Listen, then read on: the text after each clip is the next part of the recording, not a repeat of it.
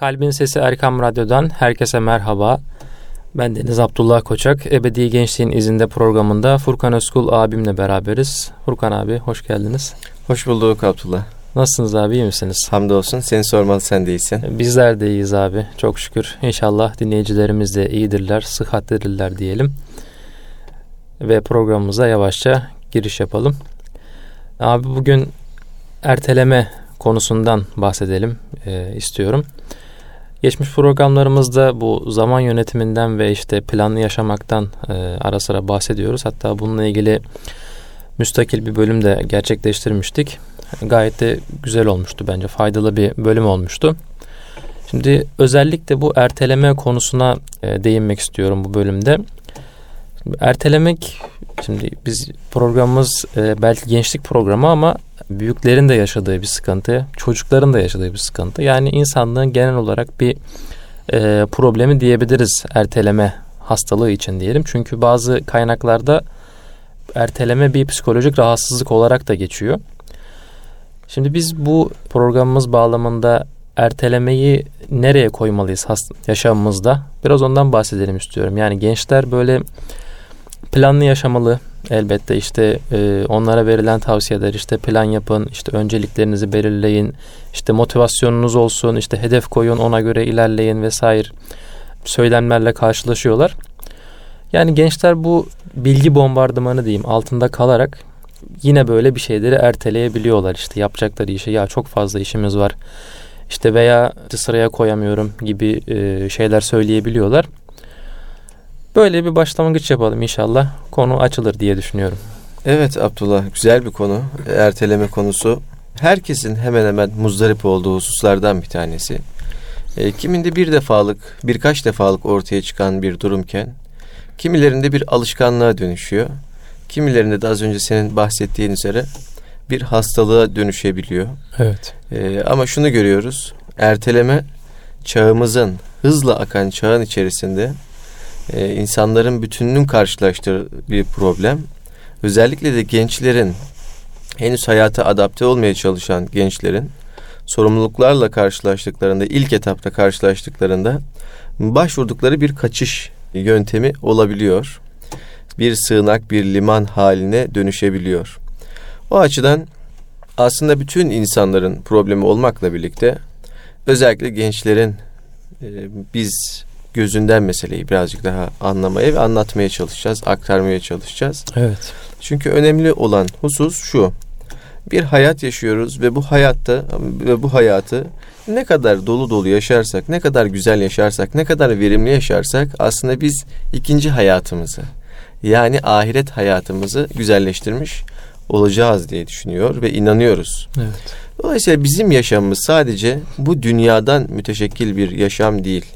Bizim için bir de işin ahiret boyutu var ve asıl yurdumuz da ve asıl hayırlı olan yurdumuz da ahiret yurdu. Bu açıdan çift taraflı bakmak gerektiğini düşünüyorum ben.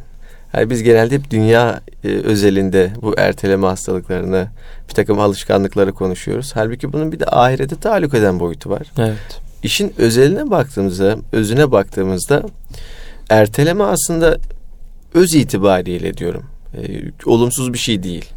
Yani biz bu dünyada bazı zevkleri erteliyoruz. Nereye hmm. erteliyoruz? Ahirete erteliyoruz. Evet. Öyle değil mi? Bu dünyada istediğimiz gibi yaşamıyoruz. Halbuki insanın içerisinde bir çekirdek var. İnsanın içerisinde bir kod var.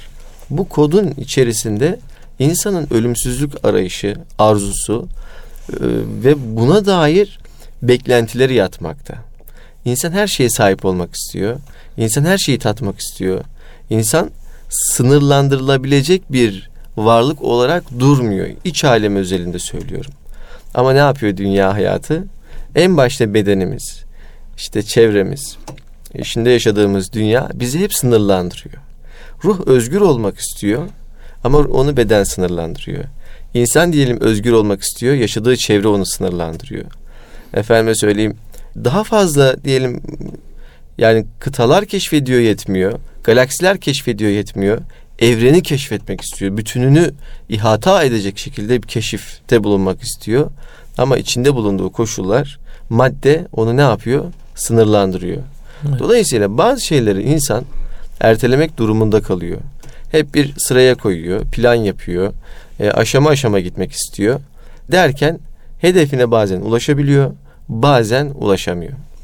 Şimdi biz erteleme meselesinde günümüzde bunu hastalık olarak nitelendiriyor, nitelendirenler de var. Evet. Ama bunların tamamı tabii hastalık olarak nitelendirilebilecek şeyler olmayabilir. Ee, az önce bahsettiğim gibi insan zaman zaman belli şeyleri erteleyebilir. O anki ruh halinden kaynaklı.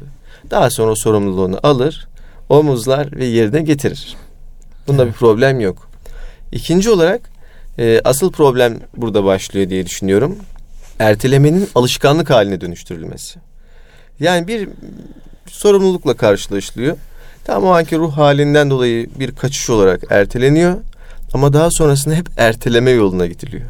Diyelim saat 7'ye kuruluyor sabah örnek veriyorum. Sabah namazıyla başlarım diyor adam örnek veriyorum yani. Ya da şu saatte başlayacağım diyor. Ama o saat geldiğinde birazcık daha erteliyor.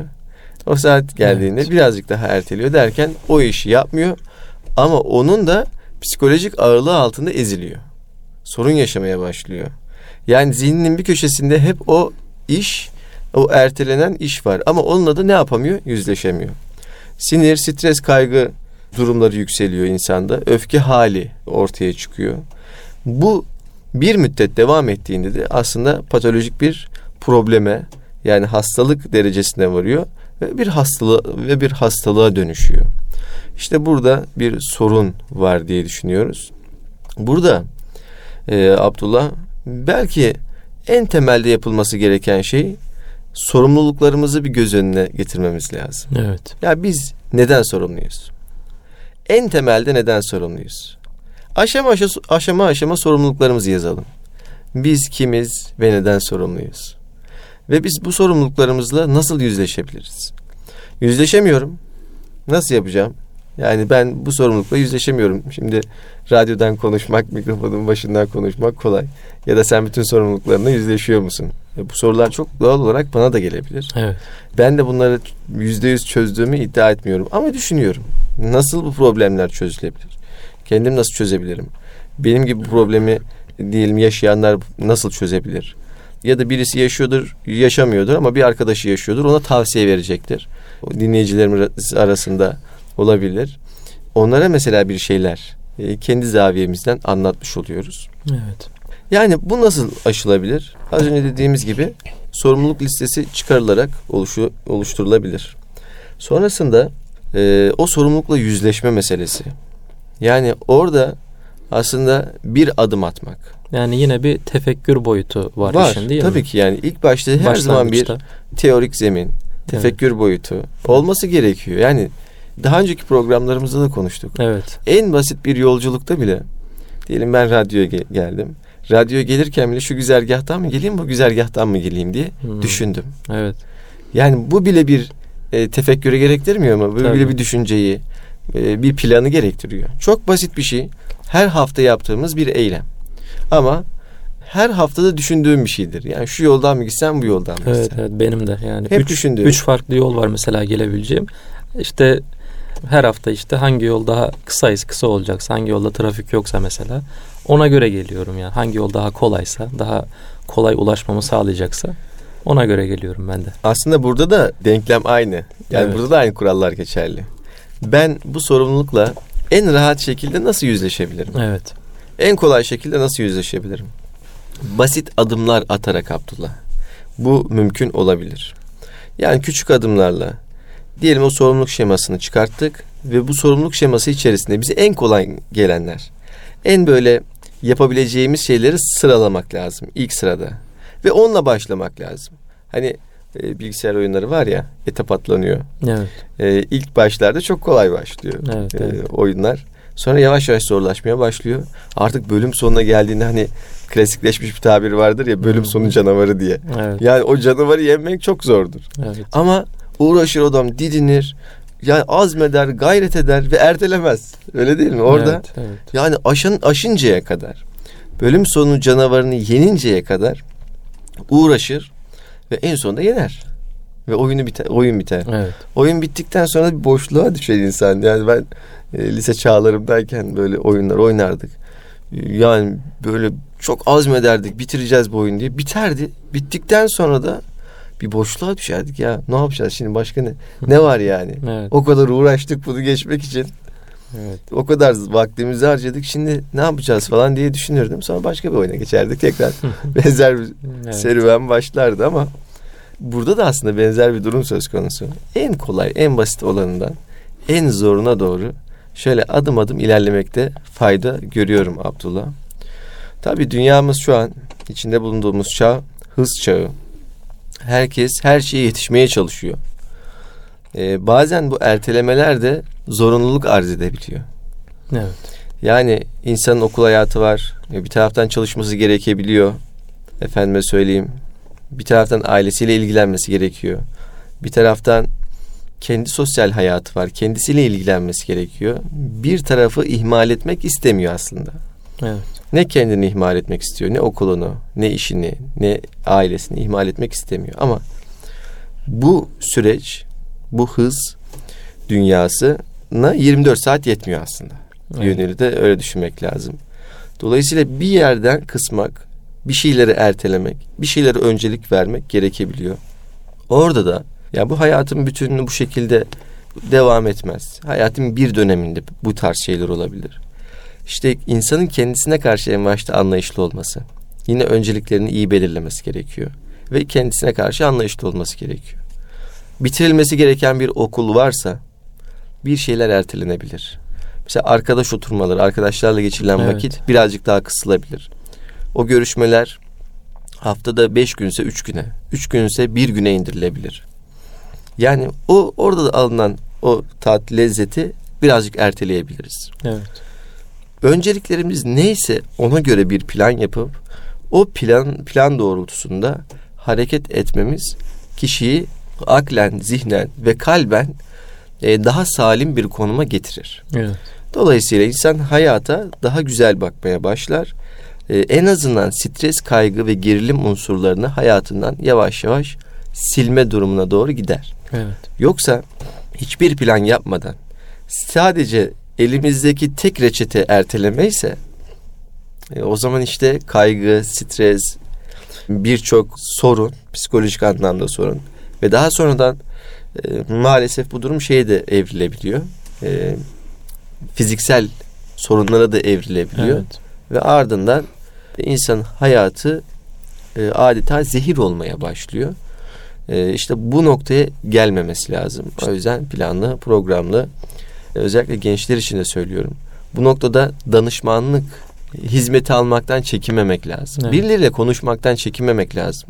Yani biz de burada kısaca şu tavsiyeyi verebiliriz belki.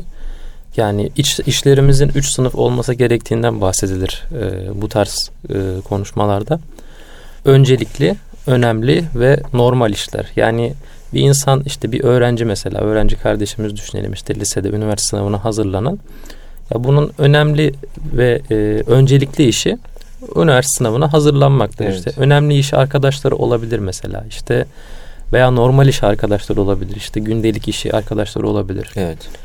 Veya işte bir aile babası işte veya bir anne için işte öncelikli işi çocuklarıyla, eviyle, işte eşiyle ilgilenmek olabilir. İşte önemli işi sonrasında işte işiyle ilgilenmek. İşte normal işi de komşularıyla, arkadaşlarıyla il- ilgilenmek. Yani böyle bir sıralama yapılırsa insan hayatında bu erteleme işte işleri erteleme de farklı bir boyuta taşınabilir. Yani daha kolay bir şekilde işler işler yürüdüğünde insan kolay kolay bir şeyleri ertelemez zaten diye düşünüyorum ben de. Ya işte öyle bir çağda yaşıyoruz ki Abdullah. Bazı şeyler insanı zorluyor. Tabi bu erteleme sorunun altında yatan sebepler de var. Ha, bununla alakalı makaleler okunduğunda e, efendime söyleyeyim bilimsel yayınlara baktığımızda e, şöyle bir şey deniliyor. Mesela kişinin geçirmiş olduğu çocukluk. Ebeveyn ilgisi çok önemli olduğu söyleniyor Evet. çevresi çok önemli. Yani baskıcı bir ortamda yetişen bir çocukla daha açık bir ortamda yetişen çocuk arasında fark oluyor. Ee, Evet. Örneğin çocuğun yargılanması meselesi. Yani özgüvenine açıktan saldırı yapıldığında çocuğun bir şeylerle yüzleşmesi daha zor hale gelebiliyor. Şimdi yüzleşemeyince e, belki de ilk sığınaklardan bir tanesi erteleme olabiliyor. Altında belki birçok sebep yatabilir bunun da. Ama alışkanlık ve hastalık boyutundaysa eğer bu erteleme e, sorunu Evet. özellikle gençler de, gençler özelinde de bahsedelim ve bütün aslında yaş grupları için geçerli olabilecek bir durum. Profesyonel destek almakta fayda var. Ama onun öncesinde şayet e, kendinizde bu problemi tespit edip yüzleşebiliyorsanız da erteleme Evet. sorunuyla ilgili asıl bizim daha çok tavsiyelerimiz bu boyutla alakalı. Yani orada da planlama yapmak. Kişinin kendisine güvenini tazelemesi. Kendine güvenecek kıvama kapasiteye kendisini ulaştırması ki bu da aslında o basit işleri başararak basitten zora doğru hep başara başara geldiğinde özgüven tazelenir. Yeniden insan kendisine inanmaya başlar ve bu noktada aslında sağlıklı bir birey olarak hayatına devam eder. Ee, yani tekrardan otobana çıkmış olur öyle Evet. söyleyeyim. Çünkü insan zaman zaman yolda giderken tali yollara sapıyor. Böyle e, patikalara düşüyor. Öyle değil mi? Evet. İşte dağlar, dağ başlarında yalnız kalabiliyor psikolojik anlamda. Ama düzgün bir planlamayla, programlamayla tekrar otobana çıkmak mümkün.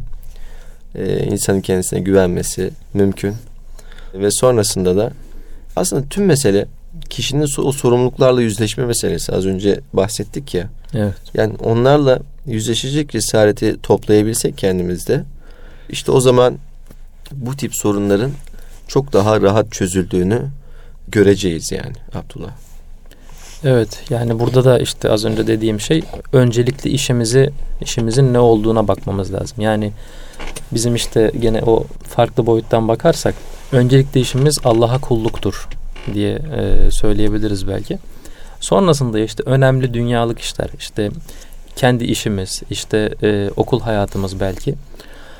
Burada da şöyle bir şey var. Şimdi erteleme deyince yani insan mesela ailesini erteliyor iş hayatı için diyelim ki emeklilikte ilgilenirim diye düşünüyor. İşte emeklilikte işte sadece eşimle ilgilenirim diye düşünüyor mesela bir baba.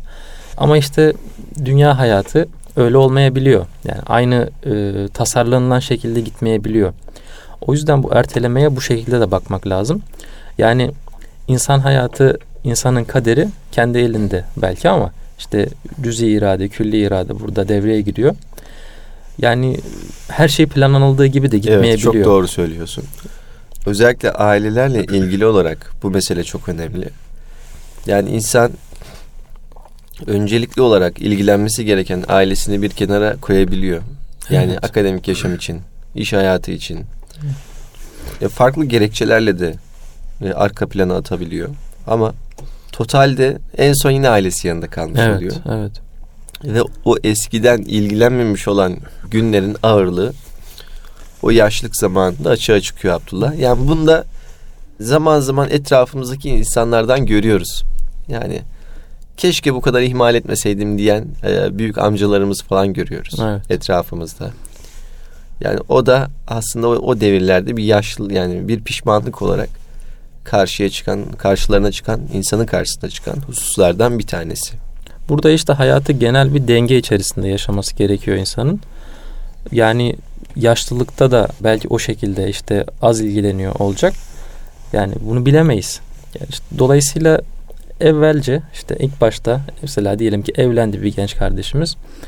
Sürekli bir ilgi halinde işte yani ortalamanın üstünde işte öncelik olarak ailesini alırsa emeklilikte de mutlaka rahat edecektir. İşte çocukları da ilgisinde yine aynı şekilde olacaktır diye düşünüyorum. İnşallah ikinci bölümde konuşmamıza devam edeceğiz. Erkam Radyo'nun kıymetli dinleyicileri, Ebedi Gençliğinizin de programımız kısa bir aradan sonra devam edecek efendim. Huzur bulacağınız ve huzurla dinleyeceğiniz bir frekans. Erkam Radyo, Kalbin Sesi. Erkam Radyo'nun kıymetli dinleyicileri, Ebedi Gençliğinizin de programımız kaldığı yerden devam ediyor. Ertelemeden bahsediyoruz. Ertelemeyi bir psikolojik vaka olarak da ele alıyoruz. İşte e, aile yaşamına dokunan bir etmen olarak da ele almaya çalışıyoruz. Şimdi ise programımızın bağlamı dolayısıyla biraz gençlerden ve gençliğe dokunan kısmından bahsedelim istiyorum abi. Şimdi erteleme için şöyle bir tabir kullanılıyor. Erteleme sanatı diye.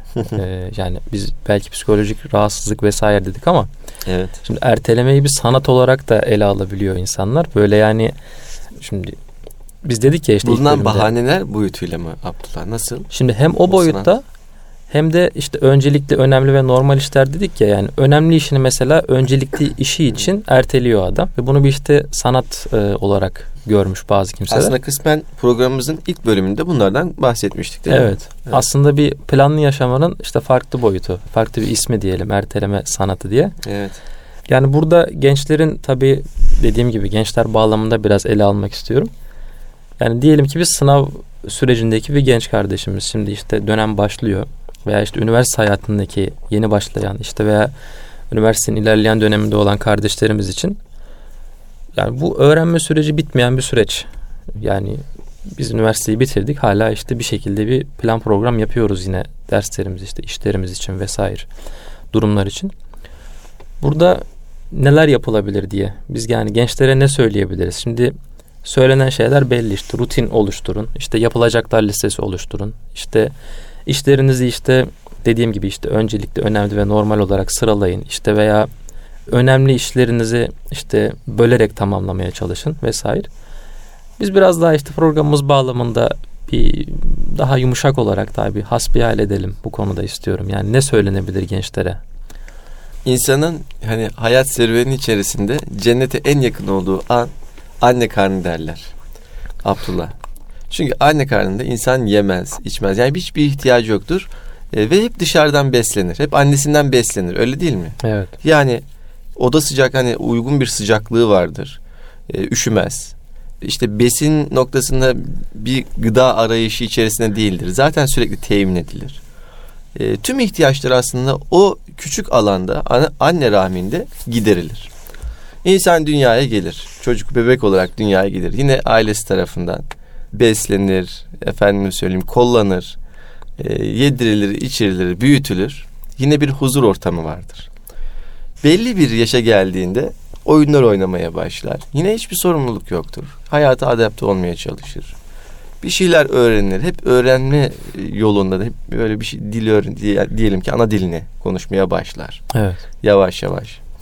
E, ailesini daha yakından tanımaya başlar. Vesaire bir süreçten geçer. Pat diye bir gün okul karşısına çıkar. E, Çocukları hep görürüz öyle değil mi? Bu hani Eylül ayında okullar açılırken birinci sınıf öğrencilerini e, yani okula ilk başlayan daha doğrusu şimdi anaokulu var değil mi? Mecburen Evet. anaokuluna gitmeleri gerekiyor. Bir görürüz. Yani böyle bir yüzlerinde ufak bir gerilim vardır. Çünkü evet, evet. İlk defa ailelerinin yanından gidecekler. Farklı bir ortam. Dolayısıyla e, o onları birazcık ne yapar? E, sıkıştırır. Tabii ben mesela anaokulu okumadım. E, Çok küçük yaşta da başladım. Yani nor- normal yaşıtlarımdan bir yıl önce başladım okula. Hı. Benim için büyük bir travma olmuştu. Onu hatırlıyorum. Hmm, Çünkü evet. e, ufacık çocuktum. Yani beş buçuk yaşında başladım okula. Hmm. Normal benim yaşıtlarım anaokuluna gidiyordu o Evet, zamanlar. evet. İşte anaokulunda oyuncaklar var. Anaokulunda çocuklar birbirleriyle kaynaşıyorlar ve oyuncaklar aracılığıyla kaynaşıyorlar. Evet. Ben birinci sınıfa başladığımda geç başlayan çocuklar da vardı. Yani benden birkaç yaş büyük çocuklar da vardı. Hmm. Dolayısıyla hepsinin içerisinde en ufaktım. Şimdi düşünüyorum o zamanlar böyle kendimi bir köşeye atasım gelirdi. Yani hayal meyal hatırlıyorum. O Evet. İlk birinci sınıfa başladığım zamanlar bilişsel anlamda bir problem yaşamadım. Okumayı söktüm. Efendime söyleyeyim. Derslerim de kötü değildi. Ama hep onu yaşadım. mesela. Yani o çocuk olmakla bir anda okul sorumluluğuyla karşılaşma benim için çok keskin olmuştu mesela Hmm. Abdullah. Evet. O, onu ben hiç istemezdim normalde. Bana şimdi sorsan öyle bir şey ister misin? İstemezdim. Ama tabii o dönemin şartlarında böyle bir durum gerekti. Ve ben okula bir sene önce başlamış oldum. E, şimdi gençler için de benim yaşadığımın aslında bir farklı versiyonunu da onlar yaşıyorlar. Yani hayatın içerisinde birçok imkanlar var. Özellikle pandemi dönemindeyiz malum. Bu pandemi döneminde bir buçuk sene yaklaşık olarak Evet. İki seneye yakın bir süre okullar oldu olmadı. olsa bile aslında o eski verimi, yüz yüze yapılan derslerin verimi gerçekleşmedi maalesef. Kimi bunu iyi bir fırsata çevirdi. Yani sınavlarına hazırlandı. E, o zamanı iyi değerlendirdi. E, evet. E, kendisini besledi. Kimi de besleyemedi açıkçası. Yani daha çok e, vaktini işte e, diyelim ki sosyal mecralarda, platformlarda geçirdi. Sosyal medya platformlarında evet. geçirdi. Yani insanlar dijital oyunlar başında geçirdi. O gençler ne yapacağını tam bilemedi belki işte yani. orada da gençler tabii çok doğru söylüyorsun. Ne yapacağını bilemediler. Evet. Yani iki senelik o boşluktan hemen sonra pat diye tekrar okullar açıldı onlar için. Hmm. Anlatabiliyor evet. muyum? Yani o zaman evet. 9. sınıftaydı. Şimdi 11. sınıfta. Evet. Yani o arada çok çok uzun bir tatil yapmış gibi oldular. Değil mi? Ee, şimdi bir anda 11. sınıfa geldiler ve 12. sınıfta da sınav zamanı zaten. Evet. Yani lise onlar için çok yaşanmış gibi olmadı. Ya da üniversite özelinde söyleyeyim. Birinci sınıfa başladı. iki sene geçti. Şimdi üçüncü sınıfta. Yani yüz yüze arkadaşlarıyla tanışma imkanı bile çok fazla olmadı. Evet. Önümüzdeki sene de bitirmiş olacak. Şimdi bu olağanüstü bir zaman olduğu için e, bu zamanda işte o, o tip olumsuz durumlar yani e, sınav yaklaştı bir anda daha yeni bitmişti bizim e, diyelim LGS sınavımız. Ya bir anda TYT geldi diyor arkadaş. Anlatabiliyor muyum? evet. Yani o ara nasıl geçti çok anlamadılar. E, dediğin gibi Abdullah iyi bir böyle oryantasyon yapıldı mı işte mentorluk verildi mi o da ayrı evet. bir şey o süreç içerisinde. E, gençler de ne yapacağını bilemediler. Yani onlara da gösterilmedi e, profesyonel anlamda belki de. E, dolayısıyla şimdi kaygı düzeyleri birazcık daha yüksek. Çünkü açıkları var. Öğrenmeleri gereken konular daha fazla. İşte bu noktada da şunu yine tavsiye etmek zorundayız. Planlı ve programlı çalışmak. Efendime söyleyeyim en başta bunu, bu bizim en temelimiz olması gerekiyor. Yani o plan program diyoruz ya o en temelde onun olması gerekiyor. Ee, yine hocalarla diyelim ki uzmanlarla görüşüp e, çalışma aralıklarını belirlemek gerekiyor. Günde kaç saat bana yeter diye sorması gerekiyor. Çünkü evet. bir hedef olacak, bir hayali olacak. Bu hayalini gerçekleştirmek için de bir bedel ödemesi gerektiğini bilmesi gerekiyor. Bu bedel nedir? Bu bedel şimdi oturup bu masa başında çalışmaktır. Ama bunun neticesi o sınavdan sonra istediğim üniversiteye gitmektir. İstediğim bölümü okumak, istediğim mesleği almaktır. Tabi bunlar hepsi hedeftir, hayaldir. Olması gereken insanı motive eden unsurlardır, hususlardır. Genç özelinde söylüyorum. Gençleri diri tutan hususlardır. Bu meyanda şunu da tavsiye etmiyorum Abdullah. Bütünüyle bir hayatı okul, ders ve sınav üçgeninde geçirmelerini de tavsiye etmiyorum. Çünkü Tabii. bu da farklı bir hastalığı beraberinde getirebiliyor. Yani tamamen o döngü içerisinde hapsolan çocuk bir patladığında kötü patlıyor Abdullah. Yani artık her şeyden uzaklaşmak istiyor. Evet. Bunalmışlığın, sıkılmışlığın vermiş olduğu o duygu hali onu tamamen yıprat, yıpratıyor, sinirsel olarak yıpratıyor. Ve sınav günü geldiğinde o kadar yoğun bir stres var ki üzerinde. Aylarca çalışmış, belki yıllarca çalışmış ve o sınav vakti geldiğinde ya yapamazsam korkusu yüzünden onun verdiği o heyecan ve stresle e, yapamayabiliyor. Evet veya Bak, sınavı yapıyor. Üniversitede bu sefer sıkıntı çekmeye Üniversitede başlıyor. Üniversitede sıkıntı çekmeye başlayabiliyor. Evet. O açıdan yani biz denge insanı olmalıyız. Yani dengeli bir şekilde hem sorumluluklarımızın gereğini yapmak hem de bizim kendi bedenimizin hakkını vermek durumundayız. Evet. Yani sosyal aktivitelerimizin olması gerekiyor. Bu açıdan yani bir spor yapmak gerekiyor belki. İşte tabii, o, kültürel aktivite tabii. dediğimiz işte kitap Kesinlikle. okuma, işte gezme, etme, onun Kesinlikle. gibi şeyler gerekiyor. Şimdi burada şu da var Abdullah. Yoğun böyle büyük bir dağ gibi sorumluluk geliyor ya. Evet. İşte o dağ gibi sorumluluğu gören çocuk genç ya da e, diyelim ki e, ne dersek işte orta yaşlı bir kimse ya da ihtiyar hiç fark etmez. O dağ gibi sorumluluğu görünce bir anda insan şöyle bir geri çekilip evet. uzaklaşıp şöyle bir erteleme yoluna, kaçış yoluna gidebiliyor. Evet. İşte o açıdan basit adımlar, küçük adımlar. Biz bunları atarken bedenimizi de buna hazır hale getirmek. Bu açıdan senin söylediğin gibi küçük yürüyüşler. Evet. İnsanın kendini dinlendirmesi, aklını dinlendirmesi, kalbini dinlendirmesi çok önemli. Ee, bununla beraber e, okumalar. Diyelim insanın hoşuna giden, İşte, ufkunu, kelime Evet. dağarcığını geliştirecek okumalar yapması. işte bilimsel kitaplardan ziyade mesela roman okumayı tavsiye ederler lisede. Tabii. İşte bu ders çalışmanın getirdiği yoğun yükü zihin atsın diye böyle boşaltsın kafayı diye roman okumak tavsiye Mesela edilir. makul e, filmler izlenebilir. Evet, evet. Efendime söyleyeyim önemli kişilerin yapmış oldukları konuşmalar, önemli kişilerin yapmış oldukları diyelim ki yazmış oldukları kitaplar. Yani bunlar okunabilir. evet. Onları motive edecek. Onların yolundan geçmiş ve şu an kendilerinde o duraklardan geçtiğini bilen öğrencilerden bahsediyorum, gençlerden bahsediyorum. Evet. Kendi öncekilerinin ne yaptıklarını bilmeleri gerekiyor. Hatırat kitapları. Hatırat kitapları. İşte Ali Ulu Kurucu var Evet. mesela işte çok meşhur. Mahiriz'in kitabı var yine. İşte Halil Nalcık'ın var mesela işte. İlber Ortaylı. İlber var. Ortaylı'nın var. Birçok ismin böyle geçmişte yaptığı o hatıralarını anlattığı hatırat kitapları var. Evet mesela bu kitaplardan sonra belki ne söylenebilir? Biz hangi zamanda en iyi işleri yapabiliyoruz? Mesela bunu e, keşfetmek lazım. Örnek veriyorum. Sabahın erken saatlerinde benim kafam çok dinç oluyor.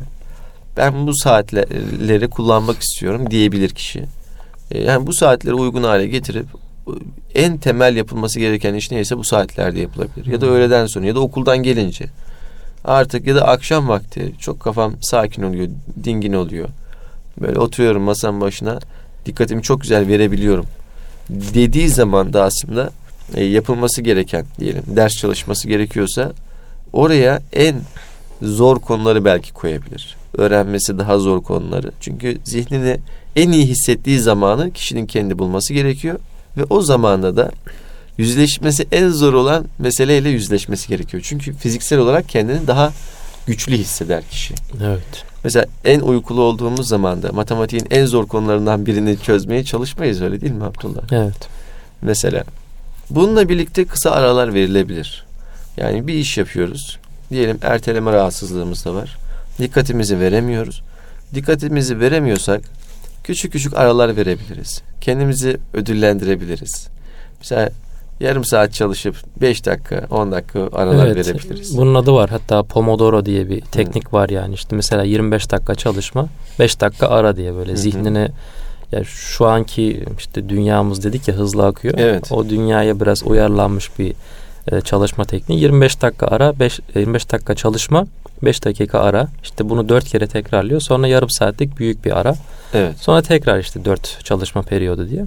Evet. Ona bir ayrıntılı olarak bakabilir yani arkadaşlarımız. Anladım. Çok güzel oldu bu da. Ee, bir de şu var. İnsan iyi uy- uyuması gerekiyor Abdullah. Yani uykusunu alan insan gün içerisinde daha enerjik olur. Meselelere daha sağlıklı bakabilir. Eğer uykusunu alamamışsa kişi e, bir gün öncesinin yükünü aslında sırtında taşıyor olur. Evet. Şimdi üniversite yıllarındayken e, sınav zamanı özellikle vize ve finallerde e, tabii o dönemler daha yoğun çalışılan zamanlar. Yani belki gece bir saat, iki saatlik uykularla sınav, bir ertesi Evet, gün yaşadık, evet. yaşadığımız olurdu. O zamanları hatırlıyorum Abdullah. Hakikaten sanki gün 48 saat gibi gelirdi. Çünkü bir gün önce uyumamışız. Yani. Evet. O gece uyumamışız. O gece belki de bir saat, e, iki saat bir kestirme kıvamında o da. Böyle derinlikli bir dalayım da uyuyayım şeklinde olmamış. Ama hiç sağlıklı bir şey değil. Tabii bu biraz rutin oluşturmamanın tabii. sonucu oluyor. Yani herhalde. rutin oluşturmamanın işte diyelim zor bir sınav oluyor. Çok fazla Evet. sınav derslerimiz bizim çok fazlaydı. Bir dönemde 14-15 ders alıyorduk. Hmm. E, dolayısıyla Birikiyor yani. e, yani o birikebiliyor. E, mecburen o gün diyelim ki daha yoğun çalışman gerekiyor. E, kalmamak istiyorsun doğal olarak. evet. Böyle bir takım durumlar e, insanı gerebiliyor. Ama şunu diyeceğim. e, düzenli uyku ne, yani ve kıvamında uyku. Yani o diyelim bugün ne diyorlar? 8 saat uyuyun mu diyorlar artık. 7 saat diyorlar herhalde değil Artık mi? 7 saat, 6 Günlük saat. 7 üç saat saatte. muhakkak uyuyun. Evet. Bağışıklık sistemi için işte psikolojik olarak, e, fizyolojik olarak, biyolojik olarak en güzel zaman dilimi 7 saat. 7 saatlik uykunuzu alın diyorlar. Kişinin de aynı zaman aralıklarında 7 saatlik uykusunu alması gerekiyor diye düşünüyorum. Çünkü o insanı psikolojik olarak daha güçlü bir hale sokuyor. Tabii Abdullah. herkesin kendi e, Tabii. dengesi var. Kendi Tabii. vücudunun biyolojik bir saati oluyor ya öyle İşte diyorlar. onu yani. insan keşfedecek ona Evet. göre. Mesela ben gü- bugün 5 saat uyuduysam bugün hafif bir böyle sallanıyorumdur diyelim Evet. mesela. 6 saat hmm, 6 saat iyi geldi bana ya. 6 saatte gayet iyiyim. 7 saat ya hafif bir uyuşukluk var üstünde mesela. İnsan aslında bunu keşfedebiliyor. Evet. Çünkü çok fazla uyuduğu zaman da insan o gün biraz mahmur geçiyor. Böyle uyanamadım diyor yani. Evet, evet. Ama bir kıvamı var. O kıvamda uykuyu aldığında he ben bugün hakikaten başından sonuna verim aldım. Neden verim aldım? Zihnimden verim aldım diyebiliyor. Evet. İşte o kıvamı bulmak çok önemli. Ee, genç kardeşlerimize, arkadaşlarımıza da buradan tavsiye ediyorum. Yani Evet. kendilerini önce kendilerini keşfetsinler ya. Kaç saat uyku ona iyi geliyor. Ondan sonra e, ne hedefliyor? Onu motive edecek kaynaklar neler? Evet. Ya bu da çok önemli. Ertele niye niye, er- niye erteleyelim? Bir tarafta sorumluluk var, bir tarafta hedef var. Eğer benim hedeflerim ve hayallerim sorumluluklarımdan yüksekse işte o zaman o sorumluluklar benim için küçülmeye başlar. Benim için cebe konulacak şeylere dönüşmeye başlar. Öyle değil mi? Hı, evet. Dolayısıyla hedeflerimizi ve hayallerimizi diri tutmalıyız, yüksek tutmalıyız ve gerçekçi olmalıyız. Evet. Hani burada da öyle çok ütopik hayaller, evet. hani bir motivasyon e, konuşması tabii. gibi olmasın. yani. sabah Oxford Oxford'da Evet. öğleden sonra Harvard'da ya böyle hayaller kurmaya gerek yok. Evet. Hani makul, mantıklı ama güzel hedefler ve hayaller. Bizi ve insanlığı faydaya götüreceğine inandığımız hayaller. Öyle Evet. değil mi? Yani hayırlı işler için. Evet hayırlı. Yani Evet. bu şekilde kişinin kendini motive etmesi de sorumluluklarla yüzleşmesinde onu her zaman güçlü kılacaktır. Bu çok önemli. Bir de liste tutmak. Bugün şu işleri yapacağım. Akşamında da bugün ben bu işleri yapacaktım. Acaba ne kadarını yaptım? Evet. Hepsinin yanına şöyle tik koymak mesela. O da yap- yapılmış işleri gördüğünde kişinin özgüvenini artıran hususlardan, unsurlardan bir tanesi. Yani bu psikolojik olarak da kanıtlanmış bir şey. Oraya insan yani mesela bunu telefonda deniyorlar. İşte tik atmayı. İşte telefonda tek tuşa basıyor mesela. İşte kağıtta böyle tik atıyor. O kağıttaki tik atmak insana daha büyük motivasyon sağladığını Hmm. söylüyorlar. Yani araştırmalar bunu göstermiş. Anladım. Benim abim de hep e, her işini böyle kağıda yazar işte. İşte şu zamanda şu işi yapacağım diye böyle. Sonunda o gider ona tik atar böyle. Hmm. Şimdi baktım böyle gündelik işler içinde işte şu gün şu alınacak işte bugün bu alınacak. Şimdi ev işleri içinde yine işte şunu yapmam lazım yazıyor mesela. İşte yapınca ona tik atıyor. Hı hı. Onu psikolojik bir motivasyon olarak kendine sağlamış yani. İşte geçmişten gelen bir alışkanlık bu da. Bu çok iyi. Bu insanın aslında hayatını planlıyor, programlıyor. Evet. Mesela ben de bir gün sonrasının e, gündemini belirliyorum akşam. Hmm, evet. Yarın ne yapacağım? E, ben tabii şeye yazmıyorum, kağıda yazmıyorum. Telefonuma not alıyorum. Artık tabii teknoloji gelişti. Evet. Ama bahsettiğim ne dikkate almak lazım. Yani kağıt üzerine yazıp tik koymak Evet. belki daha psikolojik olarak iyi gelebilir. İnsanı daha duyarlı bir hale sokabilir. O Hı da ona bakmak lazım. Bir gün sonrasının gündemini oluşturuyorum. Yarın şu yapılacak, bu yapılacak. Mesela akşam geldiğimde de diyelim ki bugün neler yapmışım. Hemen yanına artısını koyuyorum. Şimdi Evet. Eksi varsa o bir sonraki günün gündemine e, hani sarkmış oluyor. Hı hı. Çünkü diyelim o işte 3-4 günlük bir zaman dilimim var. 3-4 gün içinde o işi yapmam gerekiyor. Bazen onu erteleyebiliyorsun işte bir gün sonrasına. Ama acil yapılması gereken bir şeyse Evet. onu gündemin ilk maddesi haline getiriyorsun.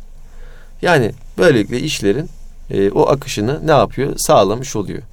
Ama plan yapmadığınız zaman Abdullah işte o zaman ne öncelik belli oluyor ne yapılacak işler belli oluyor. Diyelim akşam gittiğinde Aha bugün şu iş de vardı demeye başlıyorsunuz. Evet. Bugün bu işte vardı.